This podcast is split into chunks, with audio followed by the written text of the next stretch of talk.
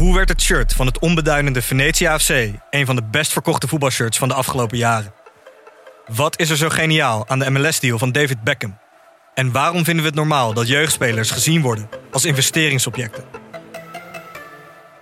In de podcast Grof Geld onderzoek ik, Sam van Raalte, voetbaljournalist, samen met merkstratege Per van der Brink de macht van geld in de voetbalwereld. Wat gaat er schuil achter de wereld van sport en glamour? En wie profiteert er? Luister naar Grof Geld en hoor hoe de Skybox de staantribune beïnvloedt. Dit programma wordt mede mogelijk gemaakt door Toto.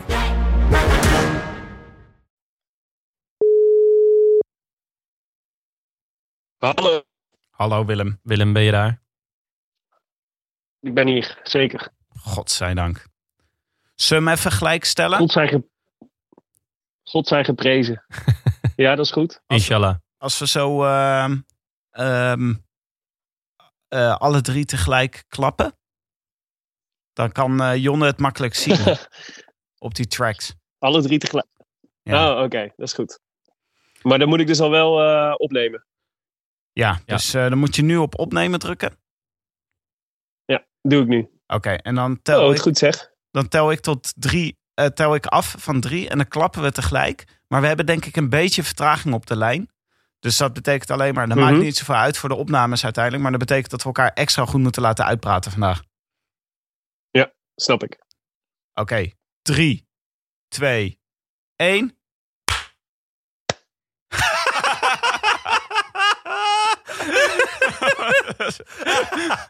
Oh, dit ging heel, heel matig.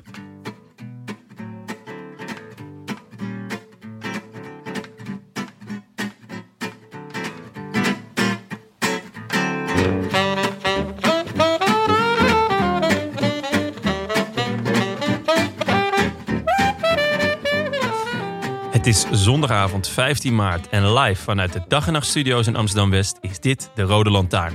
De wielerpodcast van Het is Koers.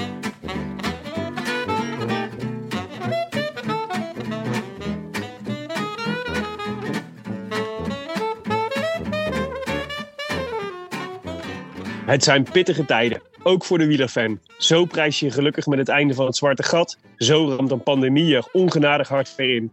Als een murf geslagen bokser incasseerden we de afgelaste koersen in de afgelopen weken. Baf, een linkse hoek en geen straden. Boom, dacht Milaan Sanremo. Boef, boef, och nee, Gent-Wevelgem en de Ronde van Vlaanderen. Kan iemand Renaat nog wel even ophalen uit de konijnenpijp?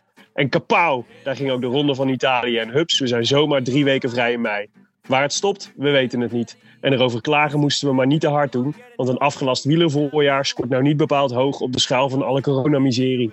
Maar een beetje troef zijn over wat had kunnen wezen, dat moet gewoon kunnen. Want god, wat waren bijvoorbeeld de mannen van de Sunweb afgelopen week lekker bezig in Parijs-Nice. Maxi Schachman pakte de eindzege, met een beetje hulp van de jury. Maar de mooiste etappe en de morele eindzege was voor je boy Tisch. Maar de vraag is nu, wanneer gaan we in hemelsnaam weer fietsen?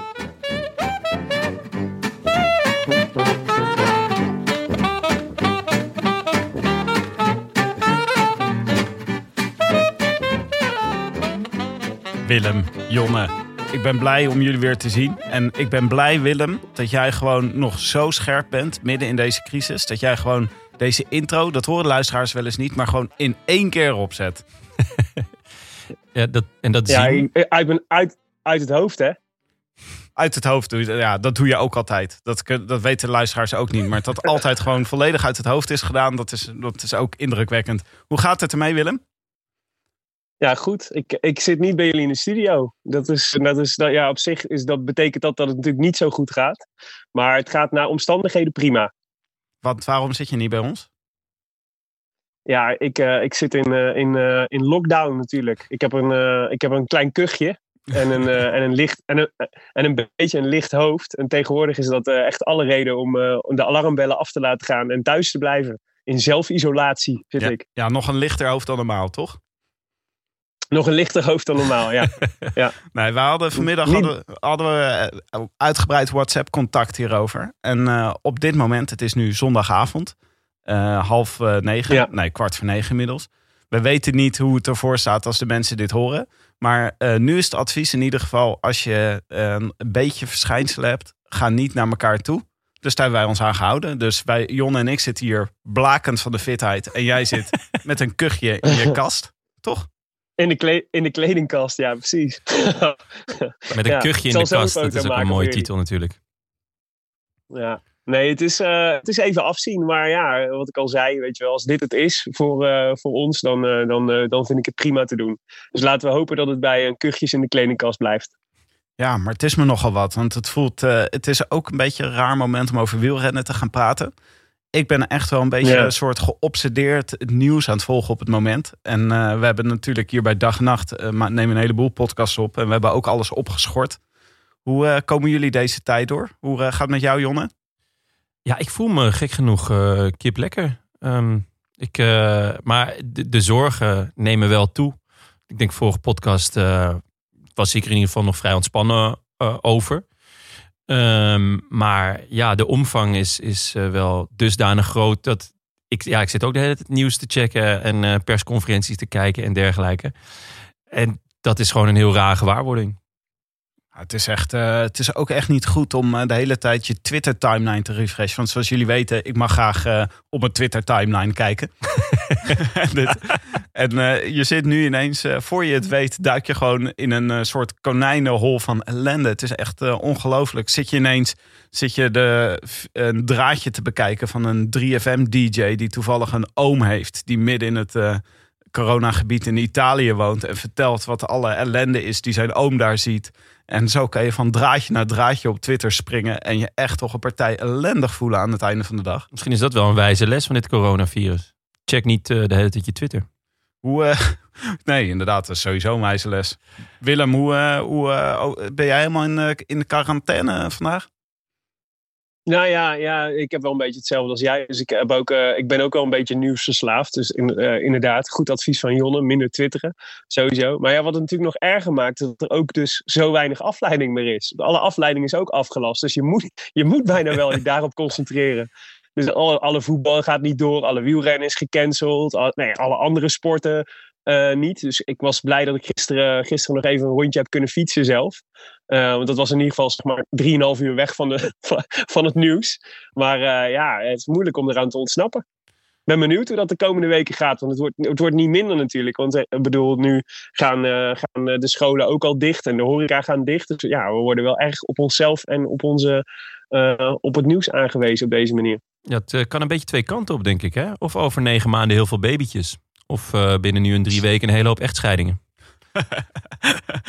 het kan allebei tegelijk plaatsvinden. Ja, dat kan natuurlijk ook, ja. Maar Willem, kan dat fietsen kan wel gewoon nog? Of eh, moet je dan eh, overal twee meter achter gaan hangen?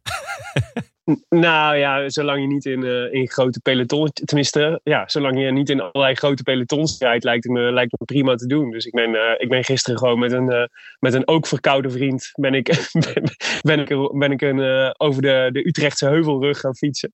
En daar kwamen weliswaar heel veel wielrenners tegen, maar dat is dan wel op zo'n afstand dat het wel kan, vind ik. Dus ehm, ja, maar ja, ik weet niet. Misschien mag dat over, over twee weken ook al niet meer. En moeten we alleen, mogen we alleen nog maar niet meer naar buiten. Maar het, was, eh, het voelde al spannend aan. Ik, eh, ik begreep dat jij eh, met een fiets van de show richting de Ardennen trekt binnenkort. Kan dat nog wel doorgaan? Ja, ja, nee, dat gaat dus niet door. Dus eh, dat is toevallig ook vandaag besloten. Dus mijn, mijn, mijn, mijn weekendje eh, Ronde van Vlaanderen, maar dan in de Ardennen, zeg maar. Dat is, eh, ja, dat is gekild. Dat zou dus de eerste, het eerste weekend van april zijn, dat toen ook de Ronde van Vlaanderen is. Ja, dat kunnen we nu natuurlijk niet maken om dan, om dan in, een hotel, in een hotel te gaan zitten. En, en, en nou ja, dat met name eigenlijk. Dus die hebben we maar even uitgesteld naar ergens in juni, wordt het nu. Hoop ik, als we dat, als we dat coronatechnisch halen. Oh, maar wat oneindig zonde. Ik heb zelf dus met het, eh, doordat al die eh, wielerwedstrijden niet doorgaan. Ik vind altijd dat de Nederlandse winter is zo'n eh, zo'n zo'n type winter die net als je denkt dat het voorbij is, dan duurt het nog een maand langer. Dus het, het zorgt er altijd voor dat je net aan het einde van de winter knak je. Je kan het gewoon, je kan er niet, ja. je kan er niet uitzingen en dat je denkt van, oh, het viel al mee deze winter. Het valt nooit mee. Het is altijd net een maand langer. Ja. En het enige bruggetje wat je hebt om eh, het voorjaar in te komen, zijn altijd de eerste wielerwedstrijden. Waarin, er, waarin ze weer een beetje in de zon rijden en waar weer mensen gebruinde benen hebben. En ook dat wordt ons nu ontzegd. Het is namelijk gewoon echt, eh, ons bruggetje naar het voorjaar is nu gewoon weg. Ja, ik merk, ik merk ook heel erg dat het mijn biologische klok echt volledig ontregelt. Omdat, dat is, dat is nam, die is namelijk echt gebouwd op, uh, of gaat ontregelen. Want die is echt gebouwd op Milaan Sanremo als de, de start van de lente, zeg maar. En dan, uh, en dan en Vlaanderen en Roubaix helpen ons er helemaal in. Dus ik ben heel benieuwd hoe dat gaat voelen nu. Of dat het, gewoon, of dat het nou gaat voelen als een oneindige, oneindige uh, uh, winter. Of dat het weer ons daar dan ook nog een beetje in kan helpen. En dat, dat, het, dat mijn biologische klok toch niet heel erg afhankelijk blijkt van wielerkoersen. Maar ik vrees het ergste. ja, jullie storten al allebei volle bak in de depressie, merk ik. Het valt me wel op. Ik had niet verwacht hoe erg, hoe belangrijk de sportkalender is voor je biologische klok, wat Willem zegt. Ja, nee, ik Want ben het is ook gewoon al die, al die uh, gewoon het voetbal wat niet doorgaat. En het wielren, de wielrenwedstrijden die zo je ritme dicteren van weekend naar weekend. En het is er gewoon, het is er allemaal niet meer. Het voelt ineens allemaal heel erg glibberig, alsof je niks hebt om je aan vast te houden. Want ik vind ja. sowieso dat corona heel erg zorgt voor dat er een soort basis wegvalt. Dat je altijd, je hebt altijd elkaar. En met, nu met corona heb je elkaar niet meer, want je mag niet meer bij elkaar in de buurt komen. Maar we hebben dus ook niet meer die sportevenementen die gewoon altijd al. Ik had niet verwacht dat het mijn leven zo bepaalde, dat het zo het ritme van mijn leven bepaalde. Ja, nee, het, het staat gewoon helemaal stil. Het, het leven staat gewoon uh, even helemaal stil. Er gebeurt gewoon niet zoveel. Uh, en dat zorgt dat er ook heel veel zekerheden uh, wegvallen. Waarvan je misschien niet helemaal bewust bent dat je, die, dat je daar toch wel veel waarde aan hecht. Wat doe jij eigenlijk, Jonne? Want jij bent echt onze, bank, onze uh, Hetzelfde als altijd. marathonzitter. Hetzelfde als altijd, gewoon op de bank zitten. Waar, waar kijk je dan? Zit je nu de hele tijd naar... Uh, uh, wat, waar, wat, is er overdag? Ik weet helemaal niet wat overdag is. Belspelletjes. Buren. Buren, ja. Ik, ik ben nu alle uh, afleveringen die ooit zijn uitgevallen van Buren... ben ik nu uh, aan het kijken, aan het terugkijken. Nee, ja, ik, ik heb een dochter van twee die elke minuut iets nieuws leert. Dus daar kijk ik veel naar. En, um, de dochter krijgt ineens zoveel aandacht. Ja, die, die, die, weet niet wat ze meemaakt, joh. Blijkt ineens al twee. ja, zo, dat gaat hard, hè? Nee, um, ja, dit, het, is, het, is, het zijn een beetje saaie dagen. Een beetje filmpjes kijken en uh, ja, af en toe een wandelingetje erbuiten. Want ja, met een peuter kan je niet de hele dag binnen zitten. Dus een beetje in de, in de binnentuin, een beetje voetballen. En, uh, ja, en afgelopen week toch uh, ook wel een beetje koers gekeken nog. Ja, we gaan het zo meteen over uh, Parijs-Nice hebben. Uh, misschien nog goed om even te noemen dat ja, we hadden natuurlijk allemaal uitgebreid onze Scorito-poeltjes ingevuld. En uh, Scorito stuurde afgelopen week een mail. Die houden er nog steeds soort met van een schuin oog rekening mee. Want de officiële lezing is dat het weer verder gaat met de Ronde van Vlaanderen. Gaat waarschijnlijk niet gebeuren. Kleine kans. Maar um, ja, pas als er meer daarover duidelijk is, als er officiële mededelingen zijn geweest, dan gaat ook Scorito officiële mededelingen doen over hoe het met de puntentelling en zo verder moet. Ja, echt. Uh, voor hun is, ook, is, is, dit natuurlijk echt een ramp.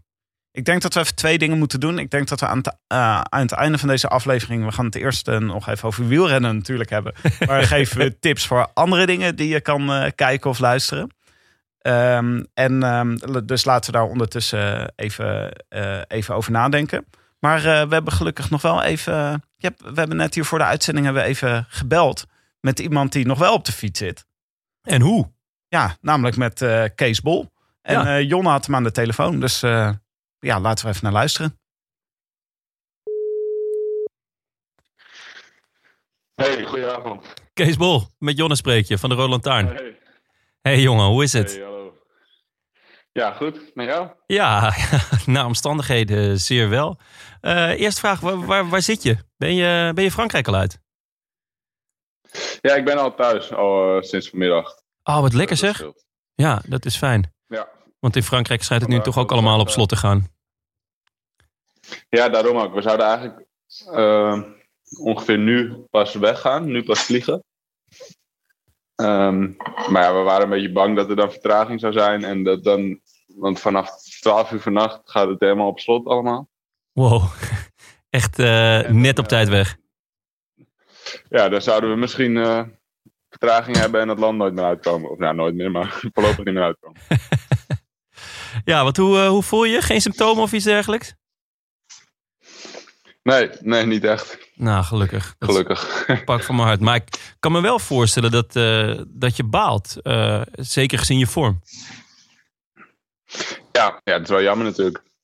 Zeker uh, hoe het met de ploeg ook draait en mijn eigen vorm. Dan was het wel mooi geweest om zo de klassiekers in te gaan. Ja, ongelooflijk. Over je ploeg ga ik, ga ik zo meteen nog heel veel naar vragen. Maar je, je eigen vorm is inderdaad echt eh, eh, ja, heel goed. Ritzegen in de Algarve. En met name die eerste etappe Ja. in Parijs-Nice vond ik ook eh, echt indrukwekkend. Ja, ja, dat ging ook wel goed. Het was eh, mooi waaieren en, eh, en een mooie finale. Dus dat, eh, dat ging wel goed. En eh, ja, die andere rit in Parijs-Nice was het een beetje eh, iets wisselvalliger. Maar over het algemeen ook wel goed. Ja, want, En ja, zeker, zeker nu het seizoen al afgelopen is, is het natuurlijk eigenlijk lekker om al gewonnen te hebben. ja, safety first. Ja, je kan, je kan ze maar beter binnen hebben, die ritzegers. Want die ritzegen in de Algarve, Ja, precies. hoe, hoe ging die voor de, voor de luisteraars? Kan je ons even mee terugnemen? Ja, dat was eigenlijk de, de, de tweede sprintkans van, de van de twee die week. Mhm. En de eerste, die hadden we eigenlijk een beetje, eh, ja, niet helemaal verpest, maar dat, dat ging gewoon allemaal niet zo goed met de ploeg. En toen, eh, ja, die, die tweede sprintkans hebben we echt, eh, ja, echt goed aangepakt wat er beter moest. En toen hebben we het met de ploeg echt, eh, echt verdomd goed gedaan. En gewoon een, eh, een lead-out uit het boekje. Ja, dat zag er heel sterk uit. En eh, ja, gelukkig was ik zelf ook sterk genoeg om het, eh, om het af, te, af te maken. Dus dat was wel heel gaaf. Hebben jullie daar eh, veel op getraind afgelopen winter op de lead-out? Ja, voor zover het kan. Kijk, het probleem is natuurlijk als je op een lege weg in Kalpen een lead-out doet, dan eh, gaat het altijd goed. Ja. Dus Ja. ja, dat, is niet, dat is helaas niet uitdagend genoeg om het echt eh, goed te kunnen trainen. Maar ja, we hebben wel veel meer gewoon met de klassieke ploeg en dus, en dus ook een groot deel van de lead-out ploeg. Gewoon eh, ja, meer, meer teambuilding gedaan, meer, eh, eh, wel meer in dezelfde groep getraind. Meer, meer een beetje gekoerst in training en zo. Dus dat, dat, dat speelt zeker wel mee. Lekker, want er, lijkt wel een heel nieuw, heel nieuw elan bij, bij jullie in de ploeg. Ja, een beetje wel. Ja, goed, aan de andere kant is in het verleden natuurlijk deze ploeg ook al wel eh, een van de betere lead-out ploegen geweest. En eh, die renners zijn er niet meer, maar een, groot gedeelte van, die, van de begeleiding eh, en de ploegleiders en de coaches, die zijn hetzelfde. Ja, Dus ja, het, die weten wel een beetje hoe ze dat moeten aansturen, zeg maar. Maar goed, het is, het is mooi dat het nu alweer, alweer zo lukt, zeker na vorig jaar. ja want Ties wordt tweede en pakt de groene trui. Jullie pakken ook gewoon het, het ploegklassement. Eh Sønkrach Andersen pakt eh, de tijdrit. Eh, die lijkt weer helemaal terug. hè? Was ook al derde in, in de omloop. Ja, ja precies. Die, eh Ties en Søren die hebben, zijn ook samen op hoogtestage geweest. Dus ik denk dat je wel mag zeggen dat die daar goed getraind hebben. Ja, ja, ja. Dus dat is mooi, dat is mooi om te zien. En ja, de rest, de rest van de ploeg was ook nog goed genoeg om Ties de andere dagen te ondersteunen. Of, of mij, als het voor de sprint ging. ja mooi. Zuur. Dus dat wel, Zuur dat het nu stopt. zaterdag. Ja, dat is jammer. Maar goed, ja, het is... eh, er, is, eh, er zijn eh, Ja, dat, op dit moment grotere bela- belangen dan wielrennen. ja dat, eh, dat mogen duidelijk zijn. Wat, eh, wat ga je nu doen? Ga je op vakantie? Ga je trainen? Ga je, eh, wat, eh, ja, wat, wat is er mogelijk? Ja, ja, de vakantieopties zijn ook heel beperkt Ja, ja, ja. op dit moment. Eh, dus ik ga, ja, ik doe het in ieder geval een, eh, een paar dagen even rustig aan. Dat was sowieso de planning. En dan, ja, daarna eerst een tijdje gewoon, eh, denk ik, niet, niet al te gestructureerd, maar gewoon eigenlijk zoveel mogelijk uren maken en aan lage intensiteit. En zodra er wat meer duidelijk is, dan, dan weer echt een plan maken en, en zorgen dat we er gelijk weer staan. Ja, nieuwe doelen stellen. Want eh, eh, wat denk jij, eh, wanneer denk, schat jij in dat de volgende koers is? Nee, Oh ja, daar heb ik echt geen idee van. Nee. Ik weet- ja, dat is natuurlijk koffiedik kijken. het is natuurlijk ook. Ja, het zou, het zou me niet verbazen. Het zou eigenlijk wel grappig zijn als dan straks Guangxi in China, zeg maar, dat dat dan weer de eerste koers is. Ja, dat zou wel, Omdat, dan is de cirkel wel rond, ja. Ja, dat, dat, ja, precies. Dat daar alles weer als eerste voorbij is en dat we daar dan eh, voor, het, voor het eerst in het jaar dat renners vechten om naar Guangxi te mogen. dat is andersom. Een extreem sterk be- bezette Tour of Guangxi. Dat zou wel echt heel vet zijn, ja. Ja, precies. Mooi man, laten we, laten we hopen dat het wel wat eerder is. Hey, eh, Ja, fijn dat we. Dat, even, dat even in mochten bellen. En eh, nou ja, voor wat het waard is, we hebben genoten van je dit seizoen. Ja, ja, dankjewel. Graag gedaan. Is goed jongen, ik spreek je. Mazzel. Oké, hoi. Zo, ja, Willem. eh, Sunweb zit er wel lekker in, hè? Ja, leuk om te horen. Van eh C- C's Boel, zoals eh José hem noemt. maar ehm, eh, nee, ja, nee, tof. Maar ja, ja eh, super verrassend dat ze het zo goed doen. Ik ben er heel blij om. We hadden natuurlijk met Michiel Elijzen in eh, december, toen er alles nog pais en vree was in wielerland, eh, natuurlijk een heel gesprek over dat dit jaar het jaar van de wederopbouw zou worden voor Sunweb.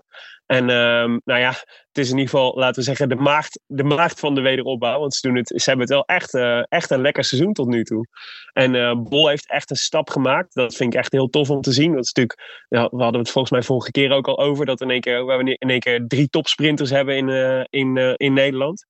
En, eh, maar ook tof dat hij gewoon op dit World Tour niveau gewoon, eh, gewoon zo goed presteert. Ik werd er echt heel gelukkig van eigenlijk om de afgelopen week eh, hun bezig te zien. Ja, ik vond eh, met name die, eh, die eerste etappe van Parijs niet die Schachman wint. Dat was echt, echt best wel een zware etappe met een flinke uh, kasseienklim op het eind.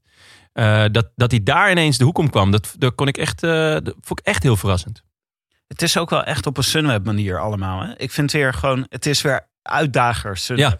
Misschien hadden ze ook wel gewoon even één seizoentje nodig om de boel weer te resetten. Zodat ze weer de uitdager konden zijn. Ja, dat is misschien wel, uh, misschien, ja, is misschien wel logisch, ja. Dat past er gewoon goed. Maar uh, je begon al over... Ik vond het heel... Sorry Willem. Sorry. Nee, dat ik het heel tof vond dat ik uh, dit, precies die etappe die Jonne zei. Dat heel grappig was dat de reactie van. Uh, dat is dan wel weer het voordeel van Twitter. Dat je heel veel van die wielerpundits kan volgen en zo. Dat daar in één keer ook heel veel mensen aan het melden waren. Dat ze, dat ze Bol als uh, Dark Horse voor Parijs-Roubaix gingen opschrijven. Dacht oh. ik, dat is misschien een klein, klein beetje overdreven. Ja. Maar het geeft, wel aan, het geeft wel aan dat hij in één keer wel in die categorie kennelijk belandt. Van, nou ja, weet je, dat zou kunnen. Hij zou gewoon de ver en verrassing kunnen worden.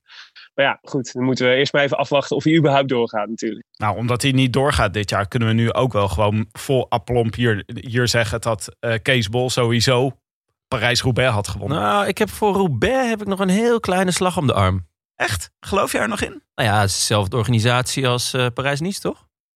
Ja, dat is... ja, het wel. en als, als er één organisatie scheid heeft aan het coronavirus, dan is het de ASO. Uh, de ASO. Dus, uh, Oké, okay, nee. jullie begonnen er al uh, bijna over. Maar we gaan niet uh, echt over wielrennen praten voordat we natuurlijk een natje geopend hebben. Willem, heb jij wat paraat? Want wij hebben hier namelijk twee triple Leforts voor ons staan. En jij weet ja, waarom. leuk toch? Ja, ik weet waarom, ja. Ik had, uh, ik had uh, hadden de, de grote man van Parijs-Nice, in mijn ogen in ieder geval, uh, was uh, Ties Benoot. Die echt, die echt fantastisch... Hij zou hem eigenlijk niet eens rijden in zijn or originele programma. Maar nu die hem wel reed, besloot hij maar meteen de grote smaakmaker te worden.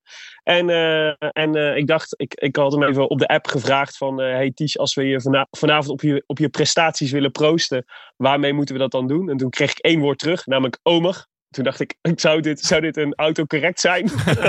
maar toen, toen, ging ik googlen en toen bleek het inderdaad wel een bier. Namelijk uh, van de brouwerij Omer van der Ginsten uit Bellegem. hey, van de. Babbelbel. Ja, dacht ik ja. toen. Dat is leuk. Leuk. Leuk hè? En, uh, en, uh, dus, en toen, uh, toen uh, appte ik het naar jou, Tim. En toen ben jij aangekomen met de triple Lefort van de brouwerij Omer van der Ginsten. Dus die, gaan we, die gaan jullie in ieder geval nu, nu, daar nu mee proosten op ehm, de gezondheid van Ties. Ja, en niet, niet doorvertellen, maar eh, Tim heeft echt heel veel gekocht. Hij heeft, alles, hij heeft ze allemaal gekocht. Gewoon gehamsterd. nou jongens, proost op de koers. Santé. En op uh, Ties. Op Ties. Oh.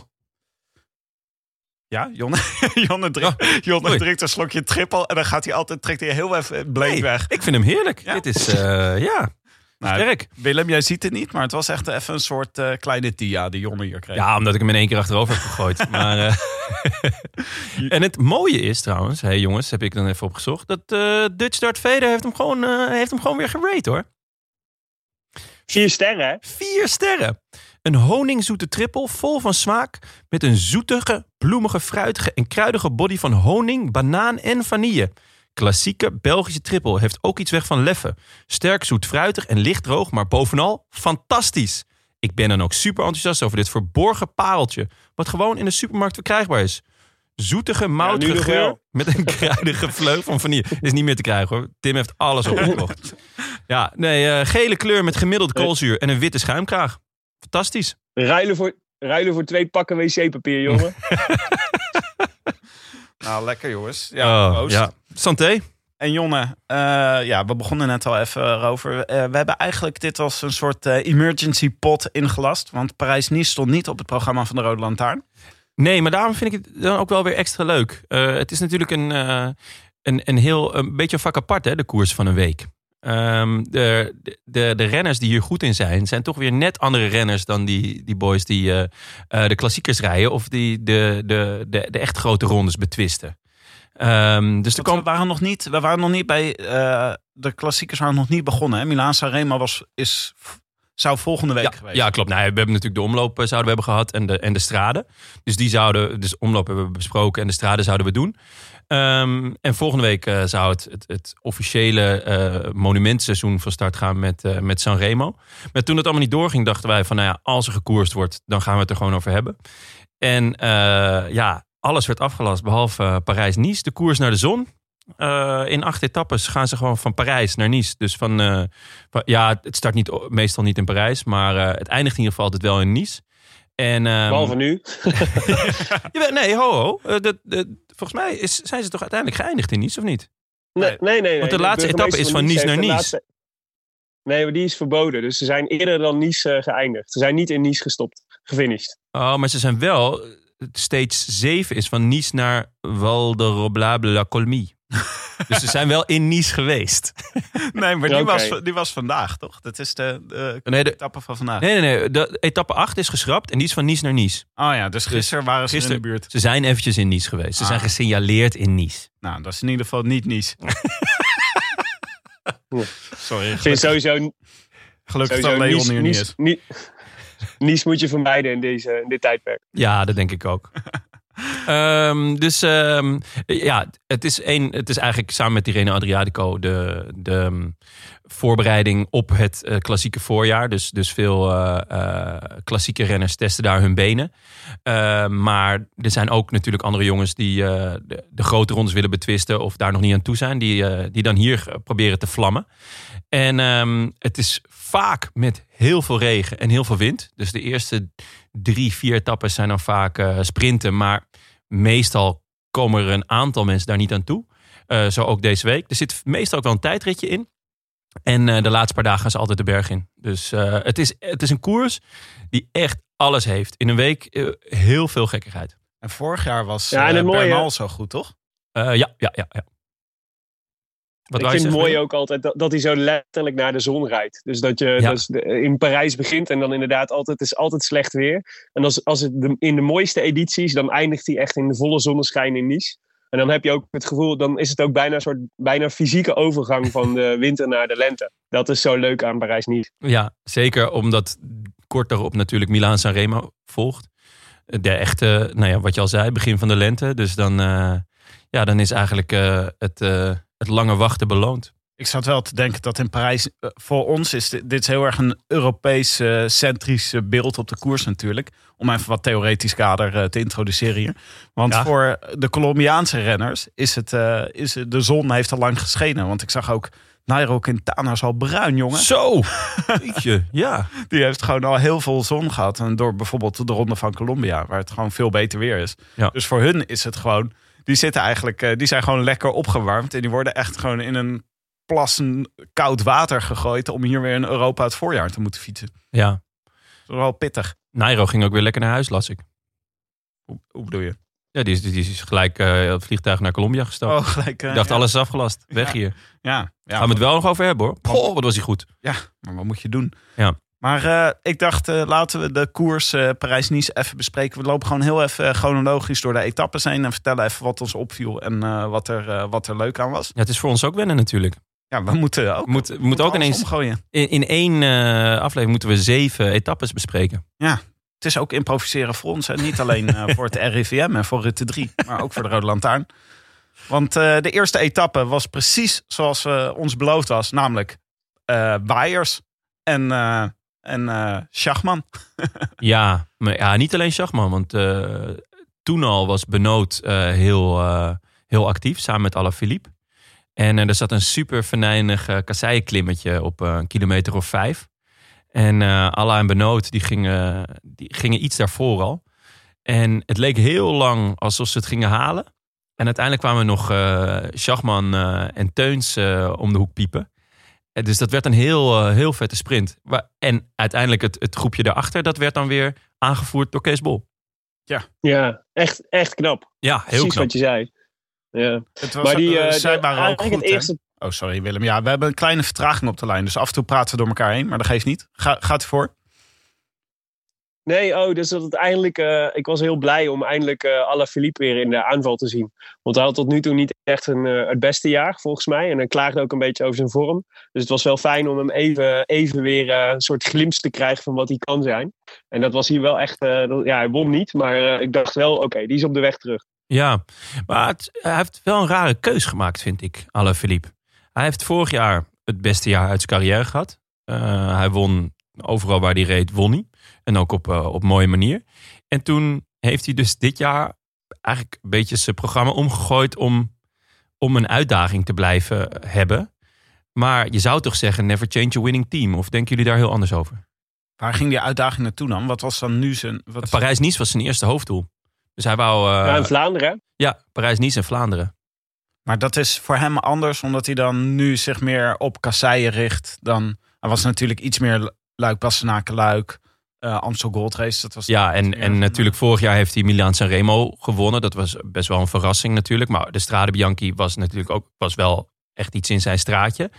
Ehm, alleen je zou toch zeggen van waarom zou je die koersen dan bij voorbaat al overslaan? Waarom zou je je hele programma omgooien eh, terwijl je zo goed gepresteerd hebt? En ook vervelend Ja, voor Willem, denk- want die had hem in zijn, die had hem in, eh, zijn wielerspel meegenomen. En enorm veel geld aan hem uitgegeven. Ja, was een miskoop hè ja, Willem? nee, dat. Ah ja, ah, ja, nog niet natuurlijk. Ja, ik, geef, eh, ik geef hem nog wel een kans hoor, Allah, dit jaar. Als, als dit jaar nog op gang komt.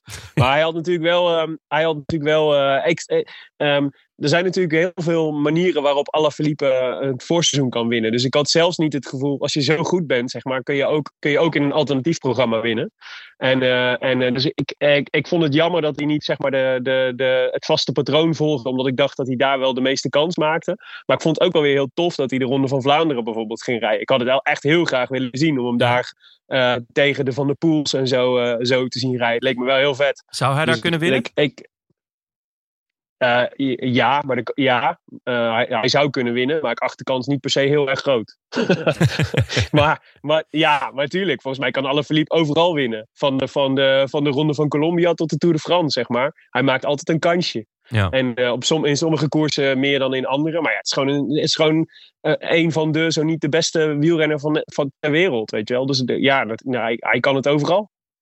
Er zijn wel een heleboel beste wielrenners ter wereld op het moment. Dat denk je heel vaak. Want dat ze, ze, elke keer als Alaphilippe in beeld komt, zeggen, zeggen de commentatoren dat ook. Die refereren eraan. Ja, het is toch wel de man om te kloppen, weet je wel. Een van misschien- Misschien wel een leuke vraag om te beantwoorden aan het eind van de podcast. Wie wij de beste wielrenner ter wereld vinden, momenteel. Ja, ja, het is echt best wel moeilijk. Want er zijn er heel veel die dominant zijn op hun eigen manier. Ik bedoel, Bernal is niet te vergelijken met Van der Poel. En Van der Poel is niet te vergelijken met Alaphilippe. Nee, en dan heb je Roglic nog niet eens En je genoemd. kunt ze ook nog. Nee, je kunt ze ook nog niet eens heel moeilijk met elkaar vergelijken op basis van één wedstrijd. Omdat ze allemaal een eigen programma rijden. Eh, en ook nog zeg maar, met verschillende vormpieken en zo. Dus je kunt pas eigenlijk over een heel seizoen zeggen wie dan de beste, eh, de beste renners zijn geweest. Ja, Maar alhoewel wat jij zegt Seizoen, over Allah is dat hij overal wel kan winnen. Dat nu dus Mhm. afgelopen tour dat hij ook zo lang meedeed om het geel. Dat is wel echt uniek, toch? Ik bedoel, ehm, Ja, iemand die zeker. Sanremo kan winnen en ook nog meedoet eh, voor de eh, overwinning in de Tour en wellicht eh, in, eh, in de Ronde van Vlaanderen. Dat is wel, dat, Ja. dat zie je niet heel veel meer. Nee, dus dat maakt hem. da- daarom zou ik het ook wel, de stelling ook wel durf, aandurven dat het de beste wielrenner ter wereld is. Alleen op dit moment even niet. er zijn op dit moment betere. Bijvoorbeeld Ties Benoot. Ja, zo. Die was hier al wel weer. Ik, moet, ik moet er nog wel aan denken dat eh, in eh, de eerste aflevering die we hebben opgenomen, toen zei ik: eh Ties Benoot moet je echt niet je poeltje opnemen. Het was een, eh, Ja, was een goeie. Nou, hij had in een interview gezegd dat hij niet goed was. Dat hij niet goed had kunnen trainen, omdat hij ziek was geworden tijdens de voorbereiding. Maar hij rijdt echt fantastisch. En hier zag je dus ook dat eh, het was een soort punches aan het einde. Het was, en je zag dat Dylan Teuns, die rijdt ook al al zijn wedstrijden echt heel erg goed. En Benoot en Alaphilippe, die waren gewoon echt een klasse apart. En je kon eigenlijk hier al zien dat zij ook in de rest van Parijs-Nice een, een, ja, eh, toch een aparte categorie zijn. Ja, maar laten we ook eh Schachman niet vergeten. Ja, die, Die- won hier. Ja, ik wou net zeggen, die won. Maar heb je ook gezien hoe die won? Want ehm, uiteindelijk wordt het gewoon een sprint met vier. Eh, want ze komen bij, eh bij Allah en Benoot. En eh, Teuns gaat aan. Maar Schachman wint de sprint met zoveel overmacht eigenlijk. Hij is, ja, denk ik, twee, drie pedaalslagen uit zijn, uit zijn zadel gekomen. Maar de rest was gewoon zittend. En, eh, en hij pakte hem op een fietslengte. Dus ja, het is een heel bijzondere renner, Schachman. Ik wist helemaal niet dat hij dit kon, joh. Schachman. Nou ja, ehm, hij wist het zelf wel. Maar hij zei ook na afloop van ja, er zijn heel veel mensen die zich altijd afvragen of ik een klassementsrenner kan zijn. Hij was vorig jaar natuurlijk echt fenomenaal in de rond van het Baskeland. Dat is echt een eh, klimmer slash eh, puntersronde van een week. Eh, volgens mij werd hij daar tweede uit mijn hoofd. En ehm, hij wil dat zelf wel graag. Hij wil ook klassementen rijden. Dus voor hem is dit, dat hij hier uiteindelijk wint, is echt een bevestiging van iets wat hij zelf heel graag wil in ieder geval. Ehm, maar hij was bijvoorbeeld vorig jaar ook al heel goed in het Vlaamse, Vlaamse eh, of in het eh, Waalse voorjaar. Ehm, ja, ik, ik, ik vind het ook een heel vette renner. Die, ja, wie weet misschien ook wel eens een keer over drie weken iets kan gaan presteren. Over drie weken. Een koers van drie weken, sorry. Oh, ik dacht positief. Nou, Hier kreeg je dus al gelijk eh, dus een soort vier van vier renners die er een beetje bovenuit staken. Toen kreeg je de tweede etappe. Wederom waaiers, slecht weer op tv. Eh, ik kreeg het grootste gedeelte van deze etappe kreeg ik mee via tickers en de WhatsApp groep. En ehm, eh, hier kwam eh Benoot helaas in de verkeerde waaier te zitten in de tweede etappe. En dat is eigenlijk als we een moment moeten vinden waar heeft Schachman de race gewonnen. Dat is dat hij hier in de goede waaier, waaier terecht was gekomen. Willem, heb jij het een beetje, kon jij het een beetje volgen? Nou, de- nee, deze etappe niet. Oké. Toevallig. Nee, en wat het ingewikkelde vind ik van Parijs-Nice was dat, die, dat iedere keer die. Ik werd iedere keer een beetje verrast dat de finish zo vroeg was. Ja. Dus normaal, ik ben echt helemaal ingesteld op, eh, op de finishtijd tussen 4 en 5, zeg maar. Dat is ongeveer. Dat, dat vind ik altijd normaal. Daar stel ik me dan op in. En ik moest echt wennen dat het hier eh, iedere keer tussen 3 en 4 was. Dus Ja. ik, vaak dan. eh, dan eh, of, ik, of ik schakelde in en dan was het echt nog eh, 200 meter te gaan. Of, eh, of ehm, ik was al te laat, zeg maar. En het duurde tot etappe 5 voordat ik daaraan gewend was. Nou, het was in deze etappe was Dus heb- bijzonder dat we ineens Stuiven weer heel erg goed zagen rijden. En eh niet solo die Akkerman klopt. Dat is ook eh, iets wat ik eh, van tevoren niet verwacht had. Nee, ja, ehm, nog een ploeg waar het eigenlijk gewoon eh, best wel goed gaat. Eh, in vergelijking met vorig jaar. Dus eh Dimension Data, nou ja, daar hebben we het regelmatig over gehad. Eh Dimension Data is nu daadwerkelijk zelf ook verdwenen. Ja, het dat is is nu NTT, toch? NTT.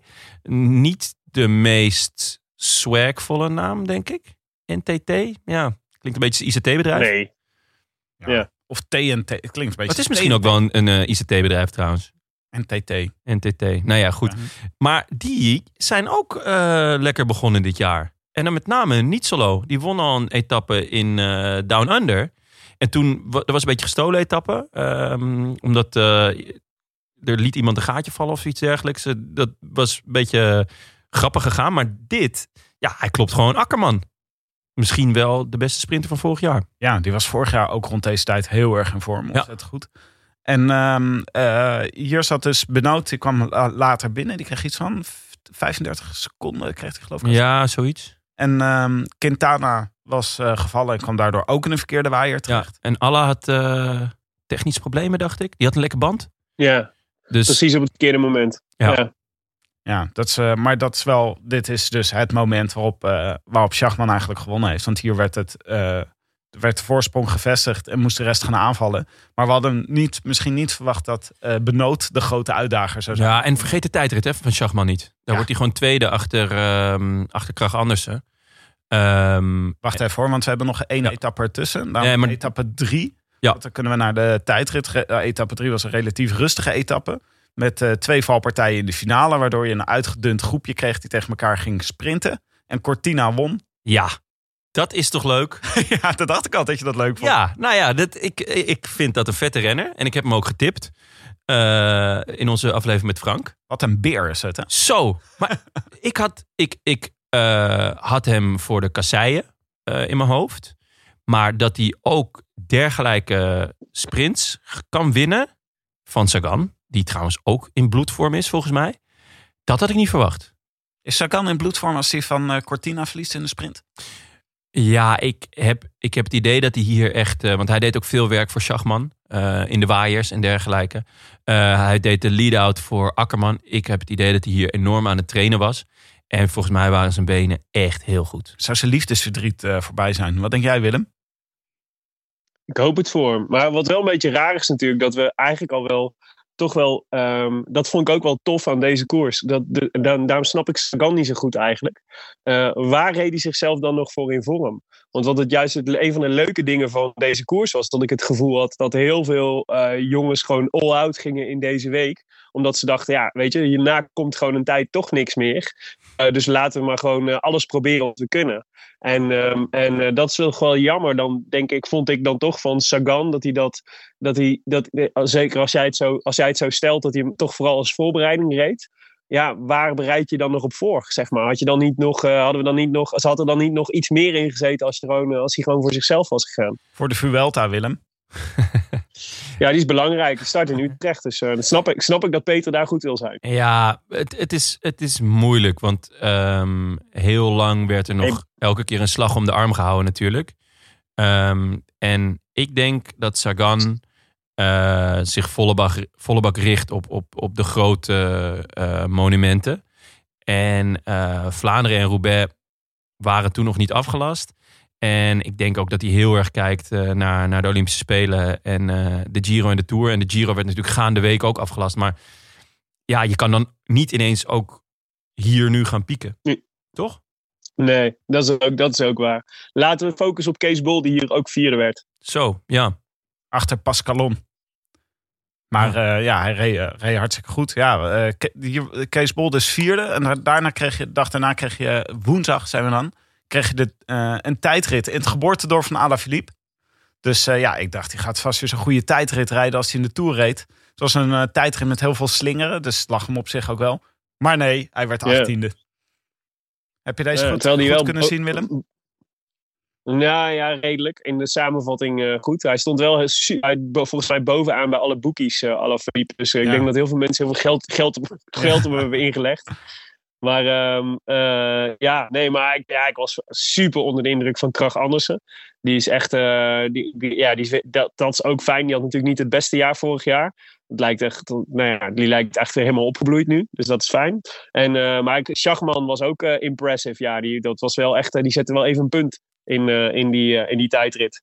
En daar had ik het zeg maar minder van verwacht dan van Krach Andersen en Asgreen. Wat toch allebei echt van die beren zijn. En Schachman is toch iets meer souplesse en zo. Maar die, ja, die, eh, het is super knap als je daar tweede wordt. Ik dacht hier bij deze tijdrit, dacht ik. Wat had Dumoulin een goede Parijs-Nice kunnen rijden hier? Als die eh eh, Sunweb, als, dan de, als alles bij elkaar valt. En ze zijn weer de uitdager en het gaat weer goed. Dan hebben ze gewoon een hele goede ploeg. Want eh Krach Andersen was ook een beetje de knecht van Dumoulin... waar wij heel erg naar uitkeken. Die heel erg goed had kunnen zijn. Nou, dat deed hij hier tijdens deze Parijs-Nice ook echt goed voor eh Benoot. En je ziet aan die tijdrit gewoon hoe goed hij, eh, hoe goed hij hier is. Dus het verschil met zeg maar, het Sunweb waar Dumoulin vorig jaar in rijdt... en het Sunweb waar hij hier in had gereden... dat is echt eh, ontzettend. Hij had hier echt een goede prijs niet neer kunnen zetten. Ja. Nou ja, jammer.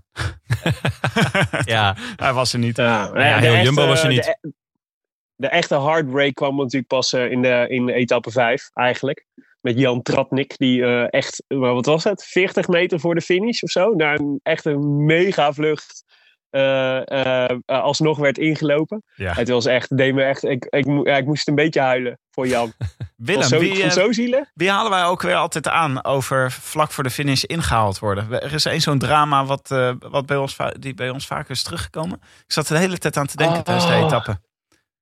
Er is, zeg Ja, maar, we kunnen dat- zeggen, dit is een, en dan zeg maar een concept. Jack Bauer? Oh ja, Jack Bauer. Jack Bauer, ja, dat is waar. ja dat is wel waar De trouwens. Tour van 2016. Ja, klopt. Die werd Ja, echt op klopt, het ja. allerlaatst nog ingehaald. Dat was heel zielig. Oh, had dit eerder gezegd. Dit had me zoveel frustratie geschild vanmiddag. Jack Bauertje. Of, Altijd eh, Jack middag. Bauer. Nu moet, je, Ja. nu, nu moet je eigenlijk die ringtone van 24 erin brengen. Du, du, du, du. Ja, heerlijk. Maar Ja. toch is dat ook zeg maar een soort van legendarische manier van winnen. Want ik onthoud dit meer dan als, eh als Stratnik gewoon hier in zijn eentje over de finish was gereden. Ja, wat zielig. ja, ja, zeker. Uiteindelijk is het toch maar gewoon Jan Tratnik. ja. Het is toch een beetje zoals altijd als ik aan Sven Kramer ben, moet, moet ik toch aan die verkeerde wissel denken. En dan is het toch nu bij Jan Tratnik, moet ik toch altijd denken aan nu die net, dat was echt, hoeveel was het? 300 meter voor de finish of zo dat hij Ja. werd ingehaald? Nee, nee, 40 of zo. Het was, het was, dat echt, nog, het, het was echt niks. Ja. Dus, eh, voor, voor- want ik heb expres nog zitten opletten. Al was het bochtje 100 meter al echt al, Echt? een, al een seconde voorbij of zo. Ja, het is echt helemaal... En hij werd, volgens mij werd hij nog door, door, door 10 man ingehaald. Ja, hij nog we- net buiten de top 10. Hij werd iets van en hij dertiende viel of zo. helemaal stil. Ja, ja, ja. Ja. hij viel Maar helemaal ehm, stil en toch finishte die nog eh, vrij kort. Ja, die sprint van, eh, van Bonifacio was wel echt heel erg indrukwekkend, zeg. Holy moly, waar haalde die in één keer die power vandaan? Ja, dat is echt, eh, die, die won gewoon nog met drie lengtes. Hij, hij, hij knalde bijna op Tratnik, volgens mij. Zo hard ging, zo hard haalde hij hem nog bij. Ja. Dat was echt, eh, ja, ik wil echt eh, in, eh, want het was ook niet alsof er niks achter hem zat of zo. Hij was gewoon, hij reed gewoon iedereen nog drie, drie, wieltes- drie lengtes uit het wiel. Ja, heel raar. Want Bonifacio heeft sinds de tropicale Amisa Bongo van vorig jaar niet meer gepresteerd, volgens mij. Waar hij overigens wel de GC won. Echt waar? Ik Volgens vond mij het wel, wel ja, leuk. ja, ja. Hij won iets van drie etappes Ja, en, eh, en de GC. Omdat hij dusdanig veel had, had gepakt. Maar hij, is, heel- hij schijnt dus, dat hoorde ik eh, die jongens van Eurosport, die commentatoren zeiden, dat hij echt heel goed is in totaal chaotische sprints. Dus als er, hoe, meer, hoe meer valpartijen en wind en ellende er is, zeg maar, hoe beter Boni- en gaten in de weg. En hoe beter eh, Bonifacio, eh, Bonifacio presteert. Dus misschien is dat ook wel een reden waarom hij in Afrika altijd goed is. Maar dit is Bonifacio is dus wat eh, Nibali is voor het klassement, is Bonifacio voor de sprint. Nibali is er ook altijd bij gebaat dat alles misgaat bij iedereen en mensen vallen en tegen hekken aanrijden. En dan is Nibali is altijd de scherpste die er dan Ja. met de overwinning vandoor gaat. Die ruikt bloed, hè? Hij rijdt bloed, de haai rijdt bloed. Hij was wel goed deze week. Zo. Ja, nou ja, En hij was eigenlijk al het hele voorseizoen goed. jammer dat zijn tijdperk voorbij is. Anders had hij misschien eh, bergop net wel meegekund. Dat is waar, eenmaal. dat is waar. Maar... En eh, Vanaf nu is het gewoon, vanaf nu is het gewoon weer knechten voor Mollema. Ja. Ja. inderdaad. Nou, ik vond het wel grappig om gewoon Poort en Nibali met z'n tweeën te zien rijden. Dat is toch een, ge- een gek gezicht. Die had ik nog nooit zo met z'n tweeën in één frame gezien. En dan ook nog in hetzelfde shirtje. Ja, maar ook wel raar. Want Richie Poort had deze koers gewoon aangeduid als een van zijn doelen. Eh, vervolgens wordt de Tirreno afgelast. Dan wordt Nibali overgeheveld naar Parijs-Nice. En dan zegt Poort gelijk, weet je wat ik doe? Ik eh, ga lekker elke dag eh 88ste worden. En ik ga één keer op kop rijden de hele week. Dat ik denk, hè? Het feit dat Nibali meedoet, betekent toch dat niet dat jij niet meer je best hoeft te doen? Ja, terwijl hij nog Ja, goed maar was in Australië. Toch? Ja, tuurlijk. eh, daar wint hij Jong, gewoon. dit is allemaal natuurlijk onderdeel van het masterplan van Richie Porte. Hè? Dus, de, dus het feit dat hij, hij, hij, hij heeft gewoon bedacht, ik moet dit jaar anders doen dan alle andere jaren. Dus ik verlies op Willunga Hill en ik, doe nu, ik rij nu heel raar in Parijs-Nice. Zodat ik straks in de Tour eindelijk kan doen wat iedereen al jaren van me verwacht. Op zijn snuffert gaan in de negende etappe. ja. Waarschijnlijk. Ehm, de jongens, het werd natuurlijk leuk bij etappe 6. Tenminste, toen werd het echt Ja. leuk. Want eh, toen eh, ontvouwde Sunweb een masterplan... wat ze van tevoren ongetwijfeld met Roy Curvers bedacht hebben... toen ze in de bus zaten. Ja, eh, die zesde etappe, dat was natuurlijk echt, eh, echt heel vet wat, eh, wat Sunweb deed. Eh Krach Andersen, die, ehm, die, die demareerde. Eh, ten eerste ging het, het ging natuurlijk daadwerkelijk echt bergop. En Krach Andersen stond volgens mij tweede in het, eh, in het algemeen klassement. Ehm, en die, die demareerde en ja, daarmee gooit hij eigenlijk zijn eigen klassement wel weg. Ik bedoel, hij kan ook best een klassement rijden. Dat hebben we vorig jaar gezien in de Algarve. En ehm, uiteindelijk... Hij ging achter Bardet en Ede aan, toch? Ja, ja, ja, ja, klopt. En daar sluit hij bij aan en die lost hij op een gegeven moment. En ehm Benoot gebruikt hem uiteindelijk eh, als springplank. Dus die fietsen naartoe. Ze fietsen een tijdje samen en eh, vervolgens eh, ja, ramt Benoot een, een solo eruit. Ja, Maar ze hadden dus al be- s ochtends besloten waarschijnlijk dat Benoot beter was dan Krach Andersen voor de laatste etappes. Nou, ze hadden dat al besloten voor überhaupt, eh, voor Parijs niet. Benoot was gewoon kopman. Hmm. Ehm, en, en Krach Andersen kan een, kan een, ehm, een klassement rijden. Maar ik denk dat ze gewoon inderdaad wel heel veel vertrouwen hadden in Benoot. En hij had natuurlijk ongelukkig tijd verloren dat hij in die tweede waaier zat. Maar eigenlijk had, was er geen enkele reden om te twijfelen aan zijn vorm. En dat was ook wel duidelijk. Dit moet toch wel uit de koker van Roy Curver zijn gekomen. dat, dat lijkt mij ook.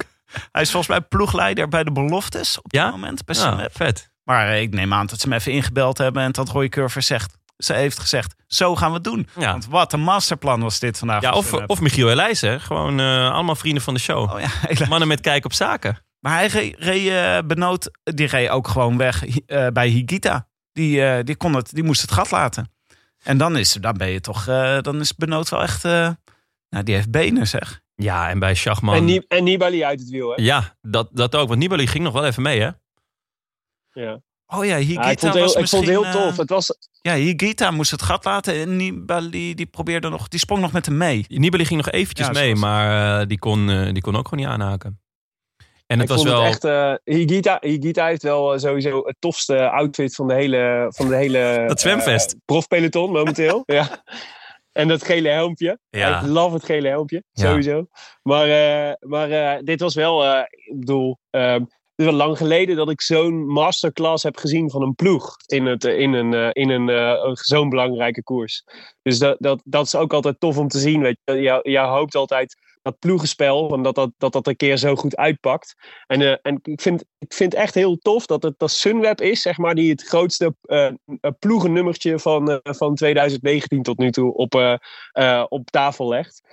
Juist omdat ze zo- zo'n geplaagde ploeg waren, denk ik volgens mij, weet je wel, individuele successen, dat Krach Andersen dan die tijdrit wint, dat is natuurlijk echt te gek. En dat Benoot goed is, dat is te gek. Maar dit voelt, volgens mij voelt dit voor hun ook echt als gewoon een overwinning van de hele ploeg. En Benoot maakt het natuurlijk echt schitterend af. Maar de hele dag al waren ze echt super goed en super scherp. En echt een beloning voor een, eh, voor een hele goede Parijs-Nice met die hele ploeg. Ik vond dat echt, eh, wel echt mooi om te zien hoor. Het ziet er ook schitterend uit. Want eh, jullie vinden dat eh, shirtje van eh EF Education heel erg mooi. Ik vind dat shirtje van Sunweb dus echt heel vet. Iedereen ziet er zo goed uit. Matthew staat het het beste. Die hier gewoon ook tweede werd. Hè, Ja, vandaag. ik wou net zeggen, want dit was gewoon wel een, een bergetappe. Maar Ma- en Matthews eh, he- heeft ook een paar keer gelost. Maar hij kwam elke keer kwam weer er weer bij. Want het was niet, eh niet aankomst bergop, geloof ik. En hij sprint, sprint, sprint naar de tweede plek. Ja, die man die is wel in orde hoor. Voor Sunweb is het echt zuur dat, die, eh, dat de klassiekers niet doorgaan. Maar ja, nee, maar zie daar dus ook, eh, daar hebben we het volgens mij in die voorbeschouwing met Frank ook eh, toen over gehad, Jonne. Zie daar dus ook het, eh, het wat, wa- waardoor Matthews en Benoot zo'n supergoeie match zijn aan elkaar. Ja. Want niemand heeft er dus, als je in die groep achter Benoot rijdt eh, en je denkt, als je, je hebt het plan om, eh, ik, wil wel, ik wil wel gaan werken om hem terug te halen. En je kijkt achterom en je ziet eh, Michael Matthews zitten. Dan denk je, ja, maar waarom zou ik? Want Ja. dan, dan, dan ben ik het werk aan het doen en dan word ik voorbij gesprint. Ja. En toen dacht ik inderdaad, ik dacht inderdaad, ja, super balen voor die klassiekers. Want dit was het, die, dat duo was het wapen geweest waarmee je, waarmee je koers had kunnen gaan winnen. Ja. Dus of ze nou achter je aan gaan rijden, dan heb je, dan, Kies kan lekker aanvallen en, en Matthews kan lekker afwachten. En dat is voor allebei goed. Het was ook nog iets wat, wat, hier, wat ik hier ook heel erg leuk aan vond. Is dat we nu al een tijdje, eigenlijk eh eh, Schachman hier inclusief, al een tijdje hebben gezien dat eh, de leiders in het algemeen klassement geen verschil bergop kunnen maken. Het is gewoon, ik vind dat gewoon altijd jammer als er gewoon als er niemand is die eigenlijk weg kan rijden en een, en een gaatje kan slaan. En Ties die kan hier gewoon, dat liet hij ook in de etappe daarna zien, die kan ze gewoon, die kon ze gewoon hier bergop allemaal eraf rijden Ja, ongelooflijk. Zou het hem zelf ook niet verbaasd hebben dat hij s'avonds in de spiegel naar zichzelf keek en dacht: Nou, dat, eh, die twijfel over of ik ook een ronderenner kan zijn. ja ik denk eh, vooral rondes van een week. Ja. Eh, want het echte hoge bergte, daar, daar heeft hij toch, denk ik, nog wel moeite mee. Als het echt, de echte aankomst bergop, dus de, de Alpe d'Huez en de Glandons van deze wereld. Ik denk dat hij daar gewoon nog wel te veel verliest, om het zo te zeggen. Maar in die koersen van een week, eh, ja, ik denk dat hij, dat hij daar eh, echt wel heel goed kan zijn. Vonden je Hij trouwens is even... 26, hè? Ja, daarom. Hij kan ook nog, hij kan nog kiezen wat hij, wat hij gaat doen natuurlijk. Net als Schachman, die is ook 26, toch? Ja, ja 27, Ja. 26, 27. Be- Wat vond je trouwens van Schach- Schachman? Dat, dat hij daar de tijd kreeg van, ehm, van het groepie. Nou, dat wou ik net zeggen. nee, hij, hij- hij- ik zag wel, ik vond wel dat je, ook al was het maar een week, je zag wel dat Schachman eigenlijk, het eigenlijk steeds moeilijker kreeg. Ja. Dus die had, eh, die, die, die had steeds meer moeite om, eh, om, eh, om bij te benen. En ehm, ja, kijk, volgens de regels, ik heb, het, ik heb het specifiek nog even opgezocht, want ik was, ik, ik was natuurlijk alweer woedend met mijn gebalde vuist voor de televisie omdat ik dacht, ja, dit slaat nergens op. En die jury die zit hier, eh, die zit hier Schachman te bevoordelen. Want hij ging gewoon zelf op zijn bek natuurlijk. Door een stuurfout. Of een inschattingsfout in een bocht in ieder geval. Ja, gaf hij zelf en, ook eh, toe, en, hè? daardoor, ja, en daardoor kwam hij later over de finish. Maar ja, die, als je de regel erop naast, naast slaat. Ik had hem nog even erbij gepakt. Die, gaat, die luidt in geval van een valpartij, lekke band of mechanisch probleem. In de laatste drie kilometer krijgen de betrokken renners de tijd van de groep waartoe ze behoorden. op het moment van het incident. Eh, en dat, dat, dat is dus de regel. En die telt alleen niet in een, eh, bij een finish bergop. Nou was Ah, dit natuurlijk oké. een, berg, eh, een bergrit, maar geen Ja. eh, eh, finish bergop. En, maar ja, het is natuurlijk een beetje een rare regel. Want ik bedoel, laten we de, de, de eerste wet van Willem Dudok maar weer even erbij pakken. Weet je, op je fiets blijven zitten is ook Ja. gewoon een essentieel onderdeel van wielrennen. Toch fijn dat hij Dus nog even dus- langskomt dit seizoen. Ja. Ja, maar het is dus een stomme regel. Dat is het. Dus het is, we kunnen het Maxi Schachman niet kwalijk nemen. En de jury eigenlijk ook niet. Maar dat, dat, die valpartij door eigen, door eigen schuld, zeg maar. Die moet wel even uit de, uit de regel worden geschrapt. ja, maar hier had hij gewoon... Had Ties Parijs-Nice gewonnen. En heeft Schachman hem in de schoot geworpen gekregen. Want hij was eigenlijk vandaag en de etappe eh dag later... was hij gewoon slechter bergop dan Ties. Ja, Ja, ben ik wel mee eens. Dus misschien had Ties het ook wel verdiend. Maar ik vind dat Schachman ook wel heel vet gekoerst heeft hoor. Die eerste Ja, etappe zeker. en, die, eh, en die tijdrit. Ehm, en, en ik weet niet, hebben jullie hem zien liggen na de finish? Zaterdag? Hoe kapot hij was. Jezus. Hij zei ook, dit was een wandeling door de hel. De laatste drie, vier kilometer was echt, echt verschrikkelijk. Wat dat betreft, eh, niks te van Ties natuurlijk. Groot fan. Maar misschien toch wat eerder moeten gaan. Misschien had hij... eh, eh, ja, Maar dat is de etappe van zaterdag, daar komen we zo op. Ja, want dus dan gaan we naar de etappe van zaterdag. Wat, eh, eh, laten we heel even stilstaan bij... eh, er was nog één iemand beter, hè, deze Parijs-Nice bergop, dan Ties. Ja, En dat is eh, Benjamin Button. de 83-jarige Benjamin Button. bij de top. Nairo Quintana. Maar even, hè. hij was, weer, hij was weer wat jonger geworden. Ja. Hij ziet er ook zo, hij, hij glanst. Deze man Ja. glanst, gewoon alles klopt. Het, het pakje bij de, bij, de, bij, de, bij de fiets. God, die fiets. Ja. Dat me dat niet eerder opgevallen was. Wat een symbiotisch geheel dat is. ja maar het is Ja, echt- hij zit weer op een canyon. ja, maar hij zit ook weer op de fiets alsof het hem gegoten is. Ik bedoel, ik heb eh, de afgelopen jaren ook wel eh, misschien af en toe in deze podcast op hem afgegeven. Vanwege zijn eh, ja, plichtmatige aanvalletjes op de allerlaatste klim van, een, van de allerlaatste dag van, een, van de grote ronde. Maar zoals hij nu koerst, is het gewoon weer de renner waarvan je bent eh, gaan houden. Tenminste, ik, toen, toen hij eh, voor het eerst eh, de Tour reed. Ja, zo'n vette renner. En die eerste paar jaar het was het gewoon onderaan de berg. Zei hij van jongens, ik ga alvast. En ik zie jullie boven. Ja, En- hij had, had het ook in deze Vuelta had hij het ook weer een beetje. Ah, Dus toen hij, zat hij nog wel bij Mobbystar. En was ja, je wel een beetje. Maar ik vond die Vuelta was niet heel sterk bezet. En uiteindelijk, ja, Maar deze echt Hij rijdt nu agressieve echt manier van bevrijd. rijden. ja, Ja, hij rijdt wel agressief, toch? Het is gewoon weer eh, echt eh, aanvallend, eh, aanvallend rijden. Nou moet ik wel zeggen dat het misschien anders was geweest als hij niet gevallen was eerder in Parijs-Nice. En mensen misschien, of andere rijders, iets attenter waren op wat hij, eh, wat hij hier ging doen. Mm, wow. Maar ik denk, niet dat, ik, denk niet dat het, ik denk niet dat het daarmee te maken heeft. Hoor, want hij, hij rijdt echt het hele seizoen al Ja. echt super, super goed. Dus het was, het was eh, zelfs al hadden ze gewild, dan hadden ze hem denk ik niet bij kunnen houden. Maar ik vond het mooi, je zei net mooi dat hij, zo, dat hij helemaal glimt. Dat is, ik had het precies opgeschreven. Het is zo'n soort van pas opgepoetst gala-appeltje. Zo, zo zit hij. eh, zo- dat, gevoel krijg, dat gevoel krijg ik erbij. Hij is echt in de prime van zijn leven nu. Dus het was ook, ik vind het ook super zielig. Want hij, nu moeten we maar zien hoe we naar die grote rondes toe gaan leven. Maar hij was gewoon weer, uh, was gewoon weer kansrijk geweest, Nairo. Ja, want hij won de Tour du Haute-Var won hij al en de Tour La, La Provence. En hij werd tweede Ja, bij, eh, bij het tijdrijden nationale kampioenschap van Colombia. Ja, Ja. eh, dat Het is gewoon En hoe, man ja. van het voorjaar. Ja. Maar ja, we hebben... beste wielrenner ter wereld, denk je? Had, had daar maar een wetje op gelegd dat Quintana, Nairo Quintana de beste man van het voorjaar zou worden. Ja, maar hij reed voornamelijk buiten beeld hè, voor ons. Dus we hebben nog niet zo heel veel van hem gezien. Maar om het nu gewoon in, eh, in volle glorie op mijn beeldscherm te kunnen zien. Dat was, eh nou, het zag er echt indrukwekkend uit. Wat een tempo waarmee hij wegreed. Ja, daar wil ik wel bij gezegd hebben dat die twee Franse koersen, die werden wel uitgezonden door Eurosport. Op de Eurosport Player. Ah, ja. Maar met ambient sound. En- Dat is dus wielrennen zonder commentaar. Ah, dat is gewoon een soort railway. Eh, maar, maar dan met, met fietsen. Ja, dat, dan, dan moet je echt liefhebber zijn als je daar langer dan 20 minuten naar kan kijken. Dus je hebt daar langer dan 20 minuten naar gekeken. Ik heb alles gezien. ja, precies. maar ik vond hier de, hoe Tisch wegreed. eh, dat vond ik eh, net zo indrukwekkend. Want dat was echt. Hij reed gewoon. Hier reed hij. Het was, het was niet eens echt wegspringen. Het was gewoon het hele groepje uit zijn wiel rijden. Ja. Het was echt ongelooflijk. Gewoon. eh eh, Higita en Nibali en Pinot, Pinot. die zaten gewoon toe te kijken hoe Ties gewoon keihard wegreed. En je zag het aankomen, je wist dat hij ging aanvallen. Ehm, hij stond eh, in het klassement, hij, aan- hij maakte nog wel kans. Maar eh, hij gewoon ontzettend indrukwekkend wegrijden. Wat jammer was, was dat eh, Higita achter Ties, ging, ach- achter Ties aan ging rijden. En Schachman Ja, snapte eh, ik wel. niet het werk liet doen. Waarom Ja. dan eigenlijk? Want Ties was niet het, eh, de bedreiging toch voor eh, Higita?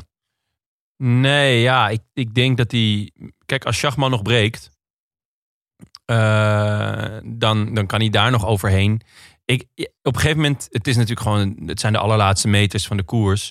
En dan ga je gewoon zo hard als je kan. Ik denk niet dat, het, dat, het, dat er nog echt tijd was voor, voor eh, tactiek. Eh, het was gewoon zo Nee. snel mogelijk naar boven rijden. Ehm, en, en hopen dat hij, dat hij Nibali, Pino eh, en, en, en Schachman nog kon lossen, denk ik.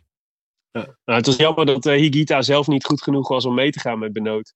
Want dan was het, dat, wat, dat was mooi geweest. Dan had je de nummers 2 en 3 gehad die, eh, die, die Schachman hadden proberen kapot te rijden. Dan had ik het nog maar moeten zien. Ja, maar dan hadden ze dus eerder moeten gaan. Dan hadden ze met, Ja. eigenlijk met Quintana mee moeten gaan. Want Quintana ging op 5, 6 kilometer, denk ik.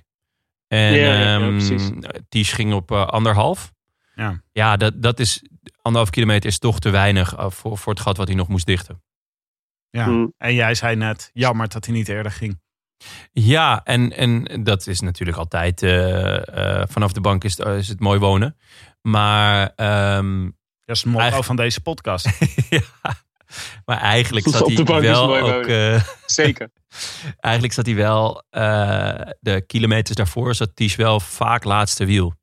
Ehm, en, en zo zijn er natuurlijk meerdere renners. Mollema bijvoorbeeld kan, kan ook zo aanhaken en dan die laatste kilometer nog, nog gewoon rammen. Dat is puur mentaliteit. Misschien heeft Ties dat ook wel. Ja. Dus, dus het, ook- dit zal ook een kwestie van geweest zijn van niet kunnen, lijkt mij. Maar eh, mooie Parijs-Nice toch? Geen moment saai. Prachtig. Echt geen moment saai. En misschien ook wel eh, een, een, een beetje herwaardering nu eh, voor deze koers. Het is toch ja, een beetje tussen, tussen al het lekkers door. Van, oh ja, Parijs-Nice en de Tirreno zijn ook nog. Ehm, maar ja, eh rauwe, hoe noem je dat? Schaarste maakt rauwe bonen zoet. Maar dit was wel heel, heel zoet.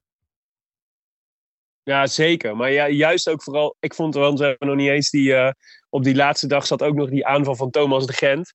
Die eh, voor, voor God en het Koninkrijk, zeg maar, gewoon nog, hey, dacht, dit is de laatste de koersdag voorlopig, dus laat ik het Ja. maar gewoon proberen. Ja. En eh, ja, ik vond dat, die mentaliteit, zag je bij meerdere renners terug. En dat, vond ik wel, dat, maakt wel, dat maakt het ook wel echt tot een hele leuke koers. Gewoon dat niemand denkt van, eh, ik, moet, ik moet volgende week ook weer goed zijn, of weet ik veel wat. En zeker die laatste dagen, weet je wel, toen wel bleek van, nou ja, voorlopig tot, tot april hoeven we, niet meer, hoeven we niet meer te rekenen op koers. Toen, eh, toen ja, dan, dan wordt het echt zo'n mooie free-for-all.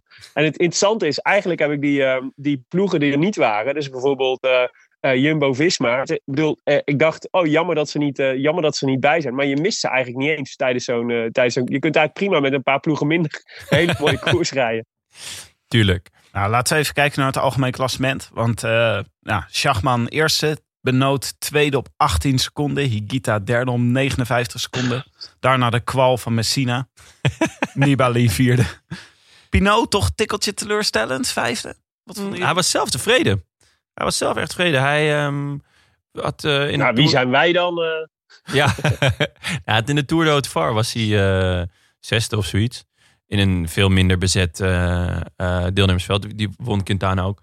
En ehm, daar zei hij, ja, daar was ik echt slecht. En nu, ja, was, hij was tevreden. Zeker met die derde plek eh, in die eh, laatste etappe die Quintana wint. Ja, het, het, het zijn nog niet de topbenen van de Tour. Maar ja, ik denk dat hij wel tevreden is. Ja. Of tenminste, ik, ik, ik vind het niet slecht. Eh, wat Jullie wel. Nee, ja, ik denk gewoon potentiële toerwinnaar. Die moet hier gewoon eh Ah. B-garnituur. Moet hij toch...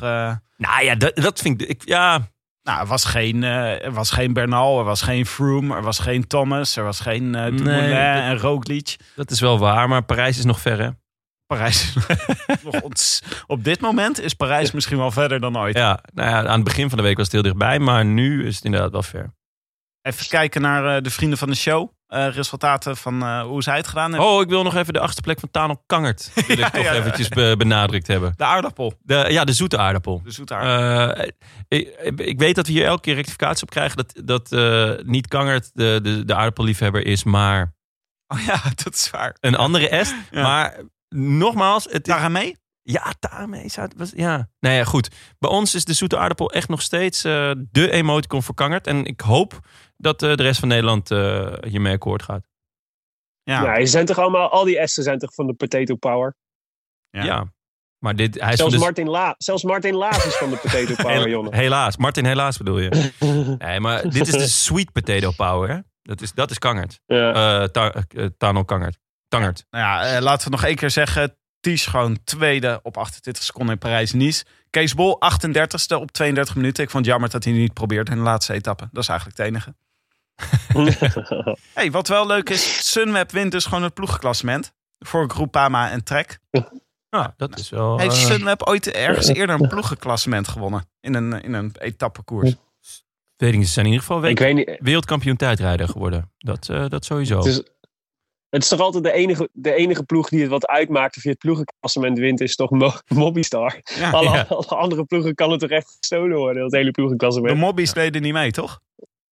Nee, dus, Nee. nee. dus als ze mee hadden gedaan, hadden ze waarschijnlijk gewonnen. ja, moeilijk. Ehm, ja, we hebben het helaas niet. eh, even, we gaan over naar de administratie. We hebben helaas hier niet op kunnen gokken. Ik had eh, beslist eh Schachman eh, getipt als winnaar. Maar ja, goed. we hebben nu niemand eh, die we een eh, prijspakket Ja, ja, kunnen sturen. We hebben wel groetjes eh, van iemand. Willem? Nou, ehm, ik zei net al dat ik, eh, dat ik eh, even om biertips had gevraagd aan eh, nummer 2 van Parijs-Nice. Eh, en toen dacht ik, nou weet je, als we toch bezig zijn, dan, eh, dan doe ik nog maar even een spraakberichtje. Goedenavond, luisteraars van de Rode Lantaarn. Ehm, ja, in deze speciale tijden wil ik u toch een hart onder de riem steken als wielerfan. En daarom eh, extra veel eh, genot wensen bij deze nieuwe podcast van de Rode Lantaarn. Groetjes, Tish. Zo, Ties eh, zat eh, zo te horen ook al even aan de triple voor. het is hem gegund hoor. Je was helemaal lari. Wat leuk, Ties. Heel vet. Ja, ik ben echt ontzettend blij om hem hier te zien. Groot fan. Groot fan. Ja. Nou. Hey, maar, maar voorlopig dus ook geen, eh, geen eh, nieuwe koers om te voorspellen. Eh, want we, we- ja, we weten eigenlijk niet wat er. De, dus de eerstvolgende koers, volgens mij, die nog niet is afgelast, is, eh, is eh, Parijs-Roubaix officieel. Nee, Ronde Die, van Vlaanderen is daar- nog steeds niet officieel afgelast. Hè? Nee? Nou ja, hij is nog. eh, maar ja, de. Hij, ja, de. Hoe heet het? Zijn ze bang voor rellen? Is afgelast? Ze zijn bang voor rellen in België, denk ik. Ja, ik denk het. Nee, maar ze gaan, eh, hij, gaat, hij gaat natuurlijk niet door. Nee. Roubaix gaat waarschijnlijk ook niet door. Wat ehm, eh, Nee, gaan we nu als voorspelbokaal groot. gaan we gokken welke, welke koers als eerste weer doorgaat? Ja, vind ik wel leuk. Nou, Zullen we dat doen? wat denk Ja, ik vind, eh, ik vind, ik vind het goed. Het, ook, ook, het, het heeft ook iets smakeloos, maar goed, dat, dat moet dan maar.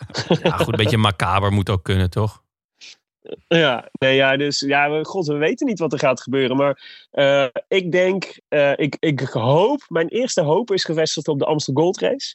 Die is dus nog, eh, nog vier weken ongeveer. Nee, ja, wat is het? Vier, vijf weken Ja, is het tot weken. de Amstel. Negen- 19 april? Volgens mij? Ja, dus we Amstel? hebben nu drie, drie weken lockdown van de scholen. En dan zou ik zeggen dat we, dan, dan zouden we toch, eh, mag ik toch hopen dat, dat, dat we dat virus onder de knoet hebben. Nou, dan hebben we nog twee weken uitloop tot, eh, tot de Amstel. Dus dat zou misschien net kunnen. Ehm, dus ik hoop op de Amstel en ik vrees een beetje voor de Dauphiné. Dat dat pas het eerste moment wordt dat we weer gaan koersen. En dus dat is dus 31 mei begint, zou de Dauphiné beginnen. Ja. En dat zou ik wel echt heel lang vinden. Dan hebben we ook, dan is denk ik als dat, als we daarop moeten wachten, dan is denk ik wielrennen niet meer onze grootste zorg. Ja, het zou ook kunnen dat er nog wat koersen verplaatst worden naar het najaar. Dat zou wel echt vet zijn als we nu zo'n super weird najaar Dat krijgen. zou ik heel leuk Ja, vinden. waar niemand zich op kan voorbereiden. Dat je ineens Lombardije, Parijs-Roubaix, Ronde van Vlaanderen achter elkaar krijgt. Of in een andere volgorde. Zodat het allemaal een beetje. Zodat je niet meer gewoon je standaard programma kan afdraaien. Maar nog even helemaal als je op je tandvlees rijdt in het seizoen. Nog even die eh, monumenten Ja. eh, tussendoor Ik krijgt. vind sowieso dat eh, het najaar, dat daar naar, moet, naar gekeken moet worden. eh wielertechnisch. Eh, de Vuelta zit veel te dicht op de Tour. Het begint echt altijd binnen drie weken dat je nog een beetje aan het nagloeien bent van de Tour. En dan zit ze, gaan ze alweer koers in de Vuelta. Ik denk als ze dat iets verlaten en het WK wat eerder doen. En dan misschien nog één of twee grotere klassiekers. eh, dus niet, eh, niet alleen Lombardije, maar gewoon inderdaad ook echt misschien wellicht wat koers in België. Ja, ik zou dat wel mooi vinden. Wat, eh, wat we van de nood een deugd Wat- maken. Wat mogen we voor jou opschrijven voor de voorspelbokaal? De eerstvolgende koers? Ja. De Tour wacht op niemand. En ik denk eh, dat, eh, dat we op de rest gewoon enorm moeten gaan wachten. Dus ik, ik denk de Tour. Dat zou wel... Echt zo lang? Ja, 27 juni, man. ja. Ja. Ja, ik... eh, maar het, is, het, is, het probleem is natuurlijk dat, dat, dat als je dat zo zegt, dat het, dat het 27 juni pas, dat dan een sportevenement, zo'n groot sportevenement pas weer kan. Dat het natuurlijk gewoon, het is, ik bedoel, dan, dat is een vrij duistere periode die je dan aankondigt. De Nee. komende, de komende 2,5 maand. Ik sluit ook niks uit. Eh, eh, plunderen. Gewoon, ik denk eh, totale chaos binnenkort. Dus een- geen oproep. Misschien een leuke Geen vraag. oproep. Wat, wat, zou de, wat zou de eerste winkel zijn waar jij naartoe zou rennen, Tim? Vind ik altijd een leuke vraag. Sterk hè, hier om de hoek. Sterk, ja. Toch de alcohol. Jij Willem, jij? Ja, vlugeltjes inslaan natuurlijk. Ja, ik zou eh, gewoon eerst naar de Dozen, Albert Heijn dozen voor een tegelijk. karretje. En daarna eh, onmiddellijk naar de Foodlocker. Ja, ge- Gewoon alle, Locker. alle schoenen pakken die ik te pakken kan krijgen. Foodlocker. Jezus, dit is een nostalgie. Ehm, ja, eh, ik schrijf op het NK wielrennen in juni. Ik heb er ook een hard hoofd in, Willem. Ik denk dat gewoon ook... Het zou kunnen dat corona natuurlijk zo lang doorgaat. eh, maar volgens mij wordt het in de zomer wordt het, eh, gaat het iets, iets eh, afkoelen. Eh, in ieder geval. Maar- In de zomer gaat het afkoelen. In de zo- ja, Tim ja. is het inmiddels helemaal kwijt met. en, eh, maar ik eh, kan me ook voorstellen dat er dan zoveel eh, chaos is gecreëerd. Dat het niet makkelijk is om gewoon de draad erop te pakken. En dat ze nou gewoon zeggen, we slaan het voorseizoen over. Ja. Eh, Ronde van Zwitserland, Ja. Dauphiné Libéré, Tour. Ehm, en dan misschien nog de nationale kampioenschappen. Jongens, ik vind jullie wel heel, eh, heel duister hoor nu. Ik, ik zat nog eh, in, mijn, in, mijn, in mijn te hopen op de Amsterdam Gold Race. En jullie zitten al zeg maar eind zomer te denken voordat we weer eindelijk eens iets gaan doen. Weet je Willem, misschien wordt er wel gewoon het EK wielrennen er- de- in augustus. Weet je wel, de enige koers van het jaar waar echt niemand naar kijkt, maar waar wel een trui wordt uitgedeeld. Dat is de enige koers die we nog krijgen dit seizoen. En wat een trui. hè. maar daar komt daar een line-up. Dat wil je niet Ja, weten. ja. Ja, dat is wel het leuke, dus hè? Dat, ik, zat, ik, ik zat wel echt ook inderdaad naar de, naar de, voor de Vuelta. Ja. natuurlijk wel, dus de, de Giro gaat waarschijnlijk niet door. Dat betekent natuurlijk dat er veel meer druk komt te staan op de, de, nou ja, de, de Tour. sta- is sowieso altijd al natuurlijk super bezet, omdat daar gewoon alle, alle kopmannen willen rijden. Maar als de enige, het enige alternatief dan de Vuelta wordt, dan wordt dat dus ook echt een super vette eh, wedstrijd. En eh, daar zie ik wel heel erg naar uit. En ook wel heel, dat is dan wel weer silver lining. Is wel weer heel leuk voor de, voor de Vuelta-start in Utrecht. Dat we straks echt, waarschijnlijk echt een heel eh, top deelnemersveld gaan krijgen daar. Nou ja, laten we in ieder geval zeggen, eh, de, het wedden is weer zoals gebruikelijk geopend. Nu op wanneer het peloton weer gaat rijden. Meedoen kan via Leuk. de Rode Lantaarn op Facebook. En like die pagina dan ook gelijk even, want het is er heel gezellig. Ook in deze tijden. Maar het mag ook via hashtag voorspelbokaal op Twitter. Yes, Ja. we zijn er doorheen. U luisterde naar de Rode Lantaarn, gepresenteerd door uw favoriete bankzitters. Tim de Gier eh, en ikzelf. En eh, vanuit de kast, zoals we hem kennen, Willem Dudok. Veel dank aan onze sponsoren Canyon, eh, hashtag fiets van de show en Scorito. Sterkte ook in deze tijden. Eh, de Rode Lantaarn wordt verder mede mogelijk gemaakt door Dag en Nacht Media en Hetskoers.nl, de wielerblog van Nederland en Vlaanderen. Wij danken hen voor de steun op vele fronten. En in het bijzonder Bastiaan Gejaar, Maarten Visser, Leon Geuyen en notaris Bas van Eyck. Tevens gediplomeerd brandweerman te Maden. Ik kan me voorstellen dat die jongens het druk hebben. Willem. Ja, sowieso shout-out naar de brandweer. Die natuurlijk gewoon eh, tot, het, tot, eh, tot het vitale personeel horen. Allemaal. Oh ja, eh, ja. in, de- in deze tijd.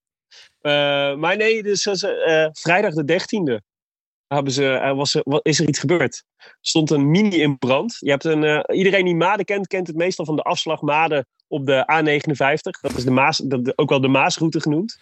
En er was dus een ongeluk gebeurd. Er stond een mini in brand tussen, op het stuk bij Maden, tussen Maden en Terheide. In Bra- Terheide heb je dus ook een brandweer. En als er dus op het stuk tussen Maden en Terheide een brand uitbreekt, zoals in een mini, dan moeten allebei de brandweerkorpsen uitrukken. Moeten jullie eens raden wie er als eerste bij de mini was? Niet de jongens uit Maden. Drimmelen? Ik heb Bas Nee, en... meestal is het Den, meestal is het Den Hout dat eerst is. En in dit geval was Terheide Maden te snel af. Dus zelfs, zelfs Oh. Terheide is, is, eh, is tegenwoordig al sneller. Maar de hulp bleek toch noodzakelijk, want, eh, want de mini bleek net te zijn afgetankt. En een afgetankte mini is, eh, is, en brand, die verhouden zich slecht tot elkaar. Dus eh, er moest flink, eh, moest water op.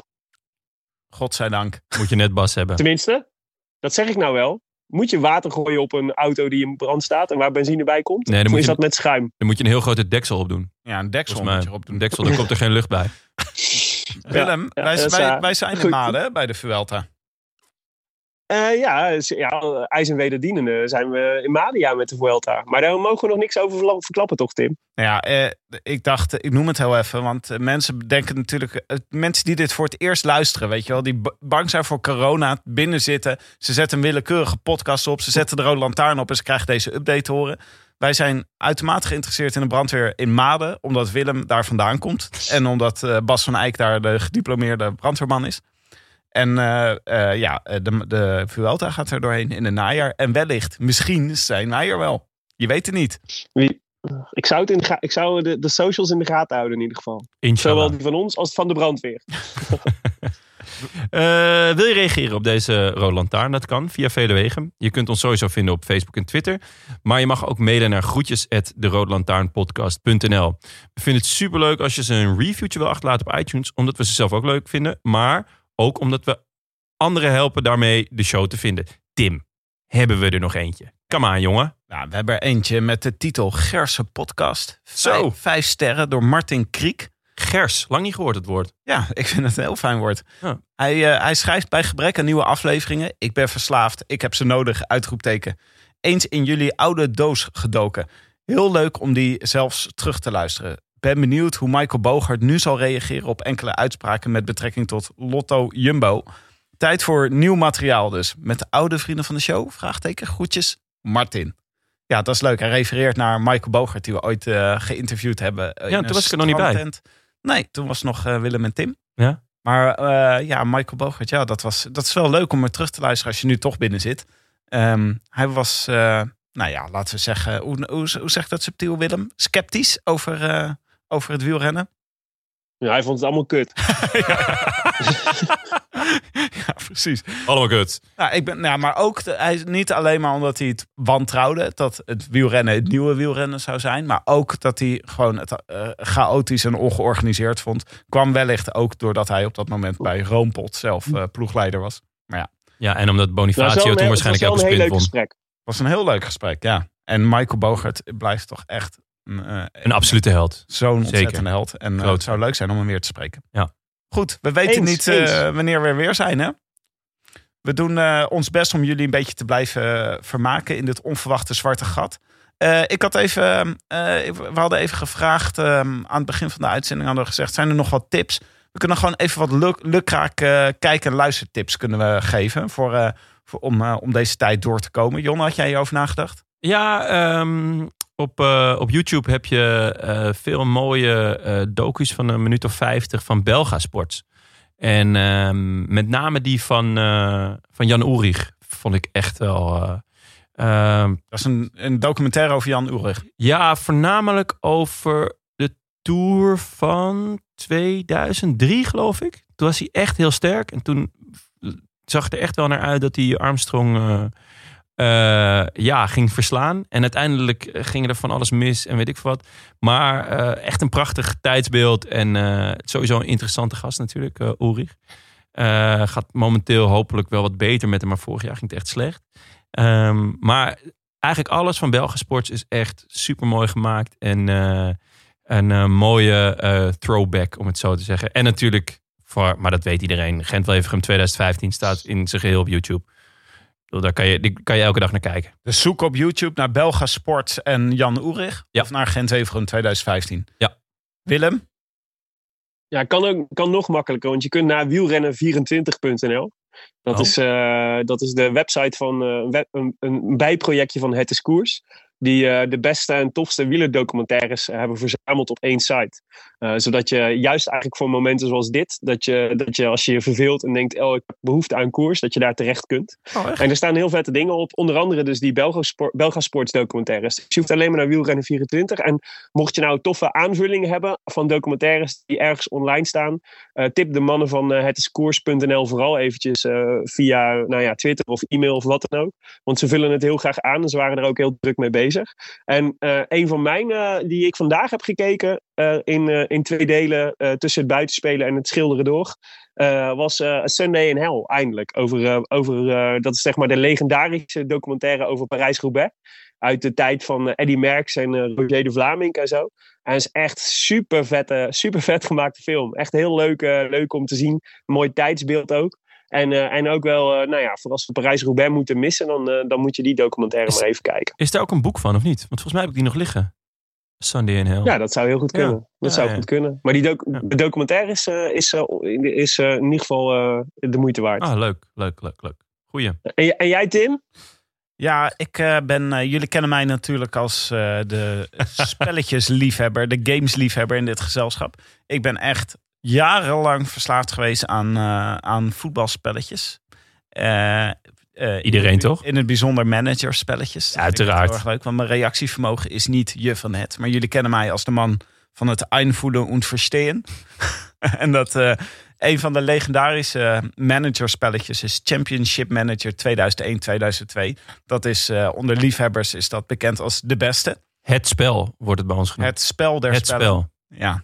En Jules Heine, Huinen, die wij eh, kennen via Eurosport, maar daar nu volgens mij inmiddels weer weg is, die tweeten dat eh, je eh, Championship Manager 2001-2002 gewoon nog kan spelen.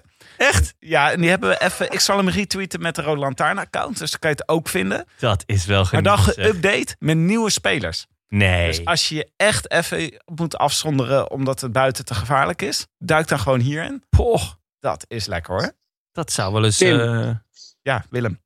Heb, heb, je, heb jij ooit eh, dat Pro Cycling Manager wel eens gespeeld? Want dat is dus de wielrenvariant van, eh, Ja. van eh, Championship Manager of Football Manager zoals het tegenwoordig heet. Hè? ja. Kan je dan, eh, betekent dat dat je dan ploegleider wordt van een team? ja. Ja, je wordt Ja. dan ploegleider van een team en die kun je helemaal voorbereiden op een koers. En dan die koers rijden ook virtueel en zo. Dus het is echt, het is echt de, de, de, de, de wielenvariant van Championship ja. Manager. Mijn beste Dus het is- ik heb het, ik, speelde dat wel. ja? Dat is echt... Ja, het is leuk. een heel raar spel. Ja? Ja? Ja, het is wel vet. Maar ja, het is ook wel... Ja... Nee, het is niet zo vet als, als Championship Manager, laat ik het zo zeggen.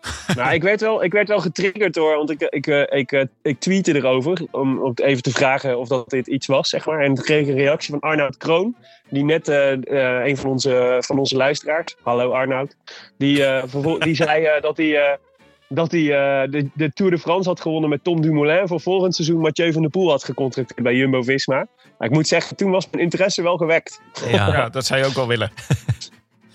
Ja, dat, Ja. Is wel, eh, dat zijn wel goede berichten natuurlijk. Nou, goed, we schrijven, het, eh, we schrijven het allemaal op. Dus eh, wij gaan Pro Cycling Manager proberen. Lijkt me heel erg leuk. Ehm, en eh, Ja, ik ga me toch ook nog eh, verdiepen in Boer zoekt vrouw hoor, deze, deze week. Hou op met me hoor. Willem. ja. Hoezo? Kan dat niet op We lockdown? hebben zelfs een, we hebben zelfs een, eh, een, eh, een vriend van de show connectie. Hè? Want de, de broer van Nienke de Jong, die onze, onze jaarlijkse tourgasten, die, is, eh, die zit, eh, is zit momenteel midden in, de, in het logeerweekend. Of in de logeerweek heet het. eh. Wacht even, kun je Ja, dit heel even is- toelichten? Want ik weet niet wat je bedoelt met de broer van Nienke de Jong zit nu in het logeerweekend.